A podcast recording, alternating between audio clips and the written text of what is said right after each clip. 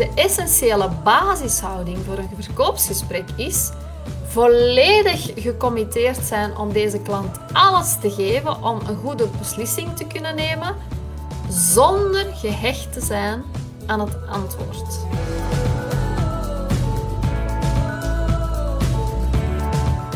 Ik wou vandaag eigenlijk iets toelichten wat ik ook heel vaak verkeerd zie gebeuren. Het voeren van salesgesprekken. Ik zie dat heel vaak gebeuren bij coaches, dat ze het daar moeilijk mee hebben. Verkoopsgesprekken, iets waar, dat we, ja, waar dat veel ondernemers zich ontzettend onzelfzeker vaak over voelen. Een gesprek waarin dat je jouw aanbod gaat voorstellen. Want het is zo belangrijk dat je dit gesprek vol zelfvertrouwen kunt voeren en dat je ook altijd een aanbod doet als je merkt dat iemand je ideale klant is. En dat salesgesprek dat kan live zijn, offline, waar dat je iemand ziet, maar evengoed via een DM, via berichtjes, Facebook berichtjes, een live online videocall, zolang je ze maar voert. Ik zelf beoordeel mijn uh, week altijd op basis van hoeveel verkoopsgesprekken dat ik heb gevoerd of hoeveel mensen dat ik overtuigd heb om met mij in zee te gaan. En dan analyseer ik altijd van hoeveel gesprekken heb ik gevoerd, hoeveel zijn er daaruit gekomen. Nu, het voeren van zo'n salesgesprek dient heel goed opgebouwd te worden. En je dient met een aantal zaken echt rekening te houden. En daar ga ik het zelfs over hebben. Maar eerst overloop ik eventjes de, meest acht, de acht meest gemaakte fouten in verkoopsgesprekken. Dat lastig is in het begin, kan ik me voorstellen. Maar deze fouten mogen echt niet maken. En de eerste, meest gemaakte fout is dat je de spanning gaat doorbreken. Kijk, in verkoopsgesprekken is het heel erg belangrijk om de spanning op te bouwen tussen pijn en perspectief. Dus het kan best zo zijn dat niet alleen de klant een beetje ongemakkelijk wordt van het stilstaan bij die pijn, maar ook jij wilt misschien heel graag die pijn meteen wegnemen bij je klant. Maar maak niet de fout om daardoor heel snel die spanning te gaan doorbreken door bijvoorbeeld geen stiltes te laten vallen. Want het is echt heel belangrijk dat je nadat zij die pijn vernomen bijvoorbeeld, dat jij stil bent. En dan even die pijn goed te laten doorvoelen. En het is essentieel in een verkoopsgesprek om die spanning dus echt voelbaar te laten zijn. Dus nummer 1. Nummer 2, veel zelf praten. In een verkoopsgesprek moet vooral de ander een antwoord zijn. Jij bent de vragen aan het stellen.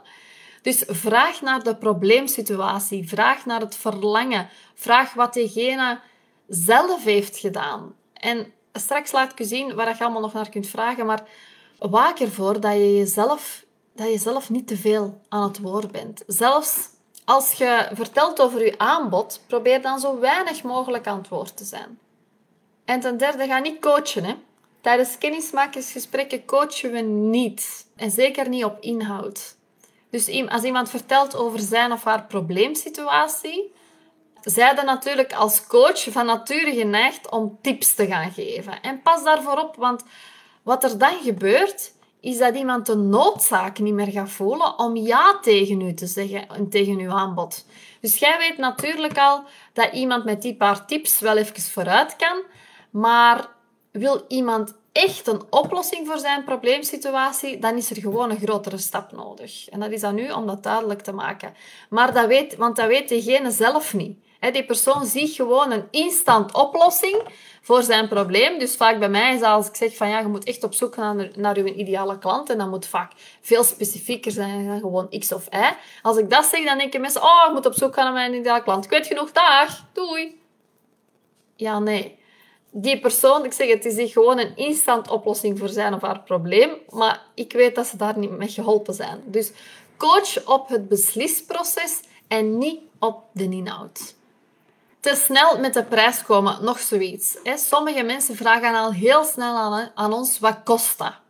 Maar het is belangrijk dat iemand eerst hoort waarom jouw dienst of product zo'n goede oplossing is. En dan kan iemand pas de prijs naar waarde schatten. Want als je op voorhand, als iemand mij vraagt en dan krijg ik heel veel, ik bij u een begeleiding, wat kost dat? Ik geef nooit een antwoord, ik geef nooit mijn prijzen. Ik vraag ze altijd eerst op gesprek en dan kunnen ze pas echt, nadat ik de uitleg heb gedaan over mijn aanbod, nadat ik hen heb aangehoord, kunnen ze pas echt die prijs naar waarde gaan schatten. Als die alles heeft gehoord over jouw oplossing. Hè? Dus als jij hem hebt verteld hoe dat hij van zijn pijn naar perspectief kan geraken. Dus als iemand vraagt naar de prijs, dan zeg je gewoon, ik ga je daar alles over vertellen, maar ik vind het eerst belangrijk dat je hoort wat er allemaal mogelijk is. Of, ik vind het belangrijk dat je eerst hoort wat anderen hieraan hebben gehad, want pas dan kun jij voor jezelf beslissen of dat, dat iets is dat bij jou past. Dus je zegt iemand toe dat je er alles over gaat vertellen en dat je alle vragen daarover gaat beantwoorden, maar dat er eerst nog iets anders aan bod gaat komen. Oké? Dus niet meteen met de prijs in huis vallen. En de vijfde meest gemaakte fout is te snel met je aanbod komen. En daarmee doorbreekt je ook weer die spanning. Je moet eerst echt goed die pijn en perspectief in kaart brengen voordat je je aanbod doet. En wat ik ook vaak merk, is dat de persoon in het gesprek, dus stel dat jij het gesprek zou voeren, dat je te snel afhaakt, omdat de klant afhaakt. Dus de potentiële klant zegt bijvoorbeeld van ja, maar ja, ik ga nog eerst een andere opleiding afmaken. Of ik zit nog bij een andere coach, ik ga eerst die afmaken.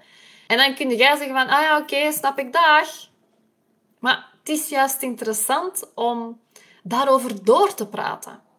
En te zeggen van, ja, ik hoor u zeggen dat je eerst die andere opleiding wilt afmaken. Of eerst die andere opleiding bij die andere coach wilt afmaken. Maar blijkbaar vind je het belangrijk om eerst verder te gaan met een inhoud, voordat je aan de slag gaat met het opbouwen van een succesvol bedrijf. Dat zou ik dan bijvoorbeeld zeggen. Hè? Kun jij mij een beetje vertellen hoe dat, dat zit dan? En vraag echt door ook naar de redenen. En op die manier blijf je in gesprek. Uh, zie zo'n opmerking gewoon als een opening eigenlijk om verder te gaan. Oké? Ga niet direct het eh, gesprek afsluiten. En de voorlaatste fout, en die gaan het misschien ook herkennen, maar daar moet je echt heel eerlijk voor zijn naar je eigen toe, is dat je te graag wilt. Jij wilt dolgraag klanten. Maar zodra dat jij druk gaat uitoefenen, is de kans dat de klant afhaakt heel groot. De essentiële basishouding voor een verkoopsgesprek is volledig gecommitteerd zijn om deze klant alles te geven om een goede beslissing te kunnen nemen, zonder gehecht te zijn aan het antwoord. Oftewel, committed but not attached. Dat zullen we misschien al gehoord hebben. Wat dat die andere persoon ook beslist, het is altijd goed. Jij bent niet verantwoordelijk voor zijn of haar beslissing. Het is jouw taak om iemand te begeleiden bij het beslissingsproces, hem de juiste informatie en vertrouwen te geven, maar niet meer dan dat. Dus heel vaak zeg ik ik zelf ook, als er iemand te veel vragen blijft stellen, als ze blijven maar twijfelen, dan zeg ik ook van, kijk, ik ga u niet, uh, ik ga u niet pushen of trekken in mijn programma, want ik weet dat het dan niet werkt. Jij weet zelf of dat dit de beste beslissing is na alles wat ik u nu verteld heb. Dat is iets wat ik echt heel vaak bij de klant leg. Want als ze zich gepusht voelen, ja, dan gaan ze zeker al niet kopen. En als ze het gevoel hebben dat jij hun probeert in je coaching traject te sleuren, dan zijn ze misschien ergens wel overhaald, maar niet met een goed gevoel. En zo mensen wilden ook niet in je coaching traject hebben, natuurlijk. En de allermeest gemaakte fout die ik zie, is dat als mensen nee zeggen, dat er geen follow-up is. Dat je ze niet opvolgt. Kijk, en niet alleen nee. Hè. Er zijn drie uitkomsten mogelijk. Die alle drie om een goede follow-up vragen. Hè. Dus iemand zegt nee, follow-up. Iemand zegt ja, follow-up. Of iemand zegt, ik wil er nog even over nadenken. Follow-up. Dus als je het contact verliest, als je geen follow-up aanbiedt, dan loopt de klant mis. Dit was de podcast voor vandaag. Super leuk dat je luisterde. Heb je nu iets gehoord dat je inspireerde of motiveerde? Laat het mij vooral weten door een shout-out of een tag op Instagram. Dat vind ik super om te zien. En als je meer wil weten over mijn cursussen, kijk dan even in de show notes voor de link naar mijn website.